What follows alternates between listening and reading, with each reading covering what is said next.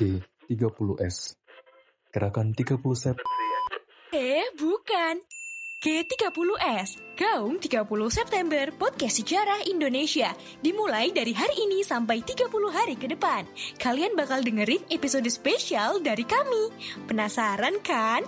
Pokoknya dengerin deh Podcast Sejarah Indonesia. Dalam G30S adalah Udah, Untuk apa sejarah dipelajari?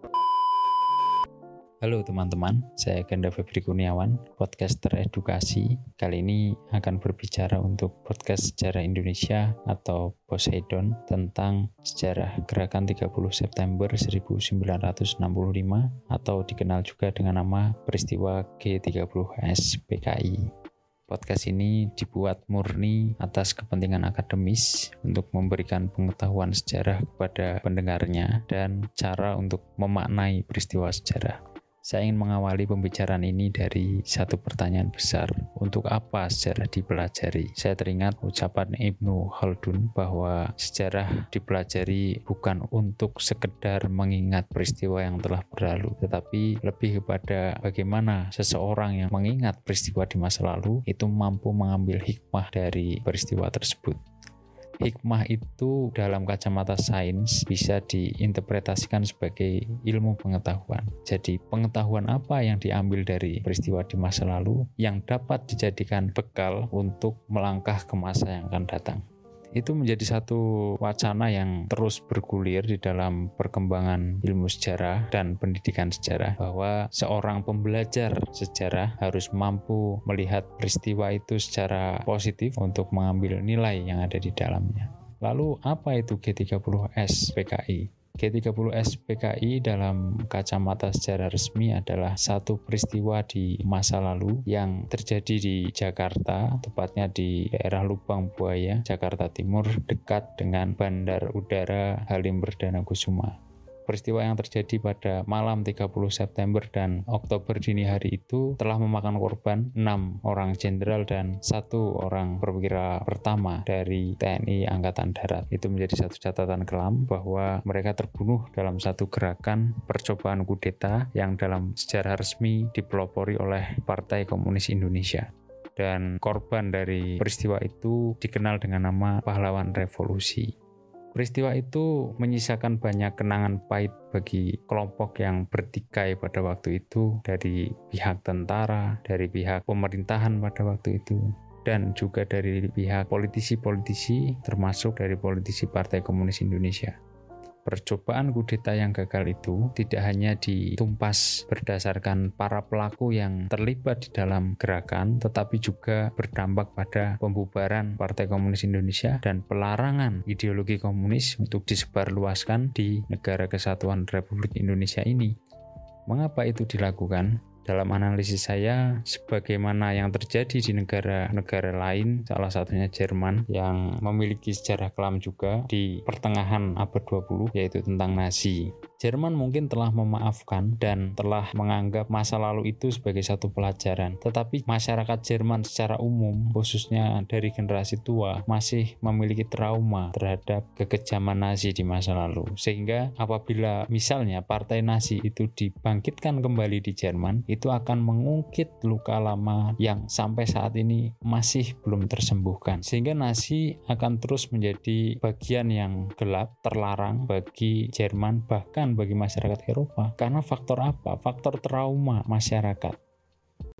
Tetapi positifnya adalah generasi muda Jerman khususnya telah mempelopori penyatuan politik yang dikenal dengan nama rekonsiliasi dari pihak-pihak yang berkonflik di masa lalu sehingga mereka telah meletakkan dendam, meletakkan prasangka supaya tidak dibahas kembali dan tidak menjadi potensi lahirnya konflik-konflik di masa yang akan datang. Dan di sinilah tadi seperti yang Ibnu Khaldun katakan terdapat hikmah dari peristiwa yang telah terjadi. Peristiwa rekonsiliasi di Jerman dan bagaimana sikap masyarakat Jerman terhadap masa lalunya tadi dapat kita ambil sebagai satu pelajaran juga untuk kasus yang terjadi di Indonesia. Salah satunya adalah peristiwa gerakan 30 September kita memang tidak mungkin untuk membangkitkan kembali ideologi komunis atau membangkitkan kembali Partai Komunis Indonesia. Membangkitkan ideologi itu maksudnya adalah mempopulerkan, mengajarkan, meyakinkan orang bahwa ideologi ini adalah satu konsep yang lebih baik dari Pancasila misalnya. Itu suatu hal yang tidak mungkin kita lakukan.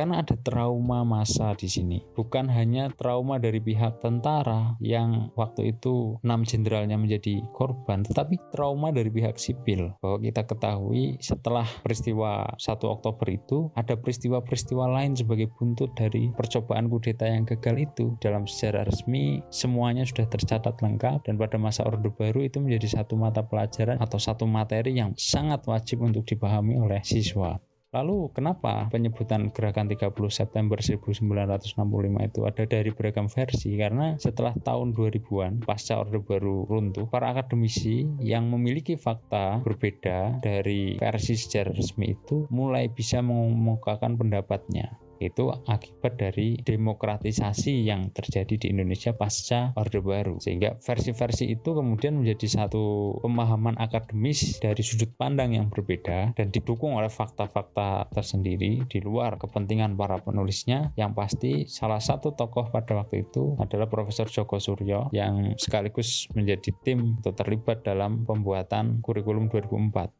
Istilah PKI di kurikulum 2004 itu sudah mulai dihilangkan, tetapi mendapat protes keras dari masyarakat sehingga dikembalikan lagi. Tetapi kemajuannya adalah dalam buku tersebut tidak hanya mengajarkan tentang satu peristiwa sejarah sebagai doktrin yang waktu itu juga ditentang oleh banyak tokoh, sejarawan, akademisi di bidang pendidikan sejarah. Karena kita ingin seperti apa sebenarnya? Saya rasa model yang paling ideal tadi adalah Jerman dan satu lagi apabila kita ingin melihat adalah Afrika Selatan. Bagaimana masyarakat dibangun kembali atau direkonstruksi ulang bukan karena dendam, bukan karena kebencian terhadap masa lalunya, tetapi lebih kepada bagaimana supaya masa lalu yang kelam itu jangan sampai terulang. Memang ada batasan-batasan trauma misalnya yang harus kita hormati karena trauma itu merupakan satu imajinasi yang sulit untuk dihapus khususnya untuk para saksi sejarah di masa lalu. Seperti yang tadi terjadi di Eropa. Jika kita jalan-jalan ke Eropa dan salam hormat selayaknya Hitler atau kita menggunakan lambang Nazi, kita akan langsung ditangkap bukan karena alasan pembungkaman atau anti demokrasi tetapi ada trauma yang harus disembuhkan dan itu tidak cukup satu atau dua tahun. Di Indonesia juga sama. Trauma itu terus berlangsung hingga saat ini. Ketakutan terhadap ideologi komunis, ketakutan terhadap dampak larangan partai dan ideologi,